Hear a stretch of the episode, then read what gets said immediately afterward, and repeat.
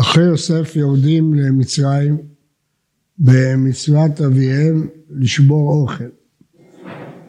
למעלה מ-20 שנה חלפו מאז הם מכרו את יוסף למצרים.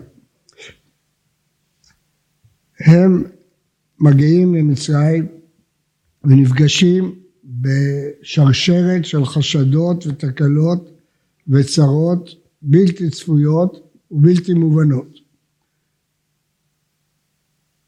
כשבא המשביר לכל הבאים מאשים דווקא אותם בלא שום טעם שהם מרגלים. אוסר אותם במשמר שלושת ימים, הם לא מבינים למה. לא נחה דעתו עד שלבסוף הוא אוסר את אחד מהם ודורש מאיתם להביא לפניו את אחיהם הכתות. כשבאה עליהם הצרה הזאת והם לא יודעים את פשרה, מהי תגובתם? ויאמרו איש אל אחיו, אבל אשמים אנחנו על אחינו אשר ראינו צרת נפשו בהתחננו אלינו ולא שמענו, על כן באה אלינו הצרה הזאת. נפתח לנו כאן צוהר לבחינת אופיים של בני יעקב. הם מאמינים בני מאמינים, והם יודעים שצרה לא באה מן השמיים חינם, ולא ממנהג העולם לקרוא נקראת, אלא בגלל מעשיהם הרעים ורע להם. בוודאי שהיא באה להשיבם בתשובה. וכשבאו עליהם הצרות הללו, הם לא היו צריכים הרבה לפשפש במעשיהם, תכף עלתה לפניהם אותה אשמה שלמעלה מ-20 שנה היא מעיקה על ליבם. והם אומרים איש אל אחיו, אבל אשמים אנחנו.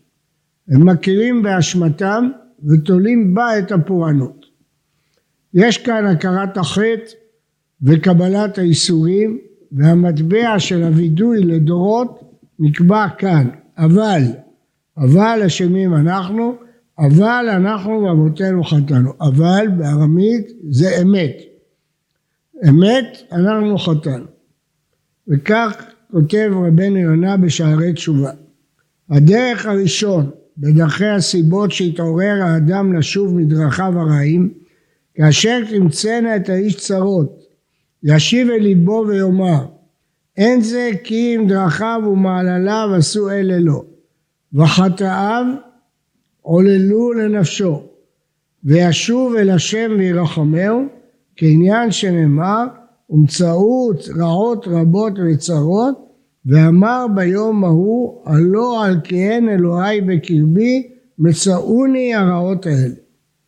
וכשמגלים האחים שכספם מושב בפי הבטחותיהם והם צופים וחרדים מעלילה חדשה שמעליל עליהם אדוני הארץ שוב תולים הם את זה בשמיים ויחרדו איש אל אחיו לאמור מה זאת עשה אלוהים לנו הם לא אומרים מה זאת עשה אדוני הארץ לנו מה זאת עשה אלוהים לנו הם מבחינים שהצרה הזאת באה עליהם במכוון מן השמיים, על עוונותיהם.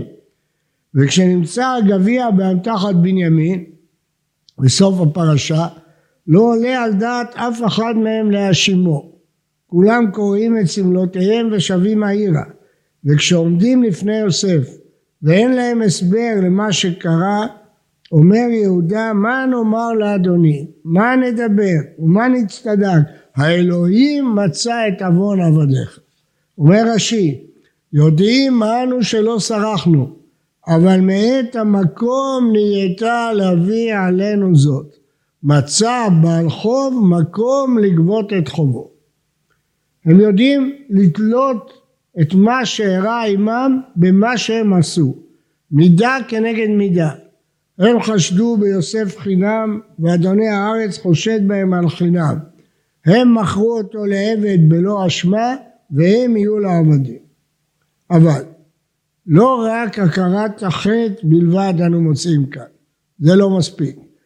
לא די שהם תלו את הצרה הבאה עליהם בחטא שלהם שהם מכירים בו ומודים עליו, אלא אף תיקון החטא. הם שמכרו את יוסף אחיהם בן רחל על חשד שווא שחשדו בו, לא חשדו באחיו בנימין, אף הוא בועלה של רחל כשנמצא הגביע באמתחתו ונראה היה כאילו נתפס בכלכלתו. ובזה מתקנים את חשד השווא שהם חשדו בבני רחל. הם שהפקיעו את יוסף לא הניחו את בנימין לגורלו, אלא מסרו את נפשם עליו, וכדבר המובן מאליו הציעו שכולם יהיו עבדים. הם שלא חששו לצער אביהם בכתונת המוכתמת בדם, מזכירים שוב ושוב את צערו. יהודה שהיה למכור את יוסף לישמעאלים הוא שערב לאחיו בנימין ועתה ישב לעבדך תחת הנער עבד לאדוני. אבל נוסף לכל זה אני רוצה להדגיש דבר אחד. מה הם אומרים כשהם נזכרים בחטא שלהם? אבל אשמים אנחנו. על מה? על אחינו אשר ראינו צרת נפשו בהתחננו אלינו ולא שמענו. על כן בא אלינו הצרה הזאת. שואל הרמב"ן וכי זה היה החטא שלהם? החטא היה שרצו להרוג אותו שרצו למכור אותו לעבד מה הם אומרים בהתחננו אלינו ולא שמענו זה הדבר הכי גדול החטא הגדול הוא שהם רצו להרגו לכו ונהרגה הם מכרו אותו לאבן, אם כן לא ישמעאלים. אז מדוע? כשהם מכים על חטא, הם לא מכים על החטא העיקרי, אלא על זה הם התחננו אלינו ולא שמענו. אומר פה הרמב"ן דבר נפלא.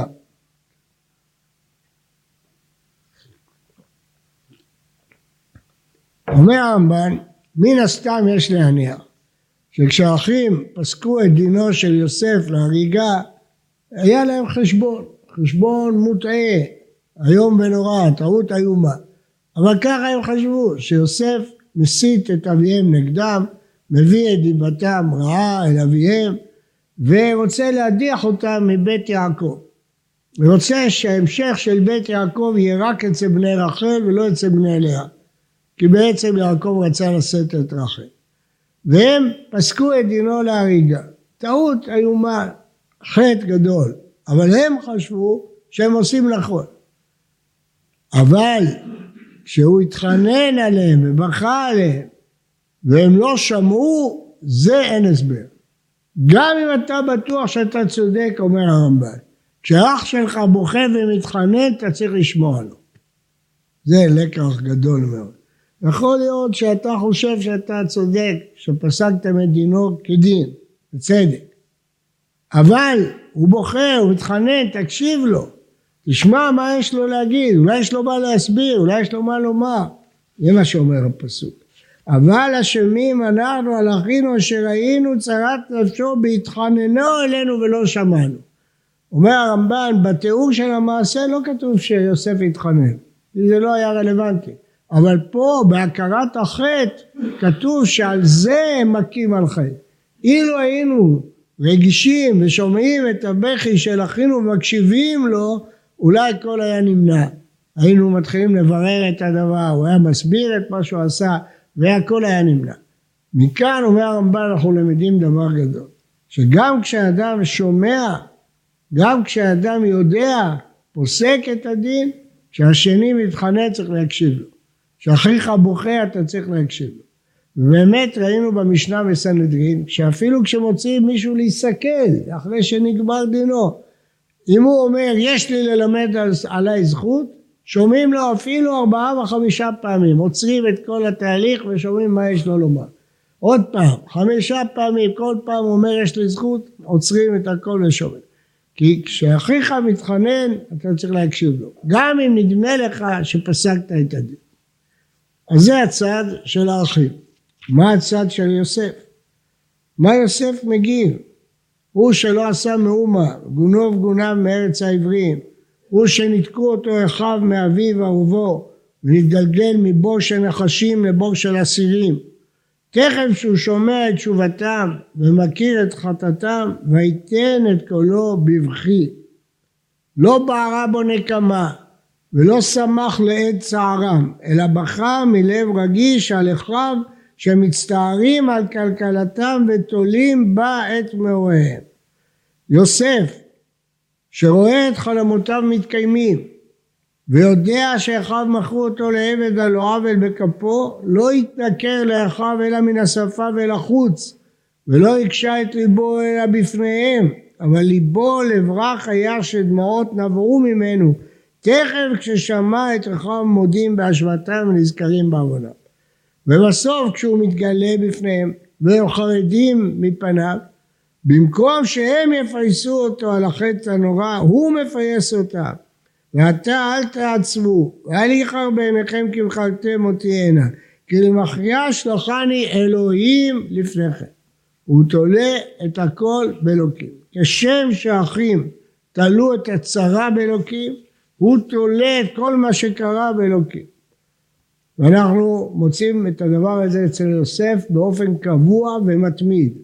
שהוא ממאן לאשת אדוניו, הוא טוען איך אעשה הרעה הגדולה הזאת וחטאתי לאלוקים. לשר המשקים ולשר האופים הוא אומר הלא לאלוקים פתרונים, ספרו נא לי, לא אני. לפרעה הוא משיב בלעדיי, אלוקים יענה את שלום פרעה. ומוסיף את אשר האלוקים עושה יגיד לפרעה. נכון הדבר מעם האלוקים וממהר האלוקים לעשות.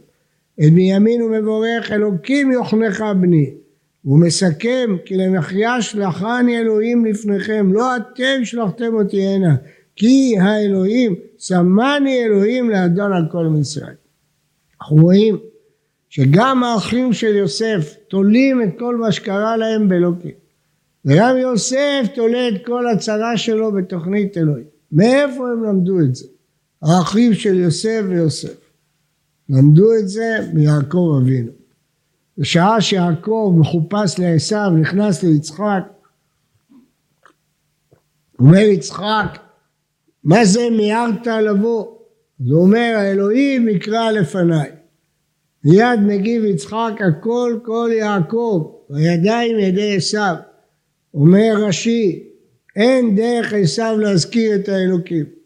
זה יעקב שתולה כל דבר באלוקים. האלוהים הוא תולה את זה אלוקים יקרא לפניי. אומר על זה אומר הכל כל יעקב. ואנחנו רואים שהדבר הזה שיטתי אצל יעקב אבינו. הוא רואה מראות אלוקים בחלום. הוא יוצא מבאר שבע ורואה מראות אלוקים. הוא חוזר בחרן, הוא רואה מראות אלוקים שקוראים לו לשוב למולדתו. בבית אל הוא רואה מראות אלוקים שמברכים אותו. עכשיו נראה אליו אלוקים מראות הלילה לבשרו שיוסף חי. הביטוי הזה הוא של יעקב אבינו. הוא מיוחד מן האבות בקשר מתמיד שלו לאלוקים. והקשר הזה עבר לבניו. יוסף שתולה את כל הטרגדיה האיומה שעברה בתוכנית אלוהית ולא באחים שלו. ואחים כשהם מקבלים עונש, עלילות, הם לא תולים את זה באדוני הארץ ולא במשביר על הארץ ולא בטעויות שלהם, אלא בחטא הגדול שהם חטאו לפני עשרים שנה. כלומר עשרים שנה היה ליבם מכה אותם, כל דבר שקרה להם, תלו את זה בחטא שלהם, תלו את זה במעשיהם. התכונה הזאת שבולטת כל כך אצל האחים ואצל יוסף, יסודה באופי של יעקב. האופי של יעקב שכל דבר אצלו קשור לאלוקים ואת האופי הזה הוא מנחיל לבניו. וכל כך למה? כי יעקב הוא ישראל. יעקב כל בניו שבטי יה. הוא מקים את בית ישראל, הוא חקוק במרכבה. עם ישראל קשור לאלוקים. ולכן לימד אותנו הרמב"ן שעם ישראל כל דבר שקורה לו צריך לתלות את זה במעשיו. לא להגיד שזה מקרה, אין לנו מקרים. עם ישראל יש לו השגחה מהקדוש ברוך הוא. וכל מה שקורה לו הוא צריך לתלות את זה במעשיו. ואת זה לימד אותנו יעקב אבינו, ואת זה לימדו אותנו יוסף ויעקב. אנחנו רגילים לקרוא ליוסף יוסף הצדיק. זה מופיע בפעם הראשונה כבר בדברי חכמים, אה, אחר כך כמובן הרבה בדברי המקובלים, יוסף הצדיק. אנחנו רגילים שהצדקות שלו היא המעשה הנשגב שלו להימנע מהחטא עם אשת פוטיפר. יוסף רחוק מאביו, אחיו בגדו בו, אין לו מורה, אין לו מחנך, הוא נמצא בארץ זרה, בשיא כוחותיו, ואשת אדוניו מפתה אותו בכל פיתויים שבעולם, ויוסף ממאן ועומד בניסיון. ועל זה אנחנו קוראים לו יוסף הצדיק. אבל צריך לדעת שלא זה בלבד. כי יכול להיות אדם צדיק גדול בין אדם למקום, אבל מקולקל במידות שבין אדם לחברו. יכול להיות אדם צדיק כלפי שמיא, לעמוד בניסיון כזה נורא של עריות, אבל איך הוא מתנהג עם אחיו, איך הוא מתנהג עם חבריו, איך הוא מתנהג במידות, במידת הקנאה, במידת הנקימה, במידת הנטירה. יוסף הוא צדיק מושלם, לא רק בניסיון של עריות הוא עמד, הוא עמד בניסיון לנטור ולנקום לאחיו. הרי הוא היה עכשיו מלך, בידו היה לעשות להם מה שהוא רוצה. אבל יוסף לא רק שהוא לא נוקם, לא רק שהוא לא נוטר, הוא אומר להם אתם לא עשיתם כלום. יש דבר כזה, יש איש כזה בעולם שעובר עשרים שנה של סבל נורא, על לא עוול בכפו, ולא מאשים אותם, אומר אתם לא אשמים, הקדוש ברוך הוא גלגל את זה כדי שאני אפרנס אתכם, זה לטובה. צריך להיות איש בעל סגולות גבוהות מאוד, שכל מה שעוללו לו האחים לא יערער בו רגש של נטירה, של נקמה, של איבה. על זה הוא נקרא יוסף הצדיק. לא רק שהוא צדיק בין אדם למקום, אלא הוא צדיק במידות, באופי, צדיק בהתנהגות שלו בין אדם לחור. כדי שאדם יזכה לתואר הצדיק, לא די שהוא עומד בניסיונות של עריות, צריך שהוא גם יעמוד בניסיונות של איבה, של קנאה, של נקמה, של נטירה, ביחס שלו לאחיו, ביחס שלו לבני אדם שעשו לו צרות, שהרעו לו. זה מקנה לו בצדק את התואר צדיק. צדיק בין אדם למקום וצדיק בין אדם לחברו. שבת שלום וברכה.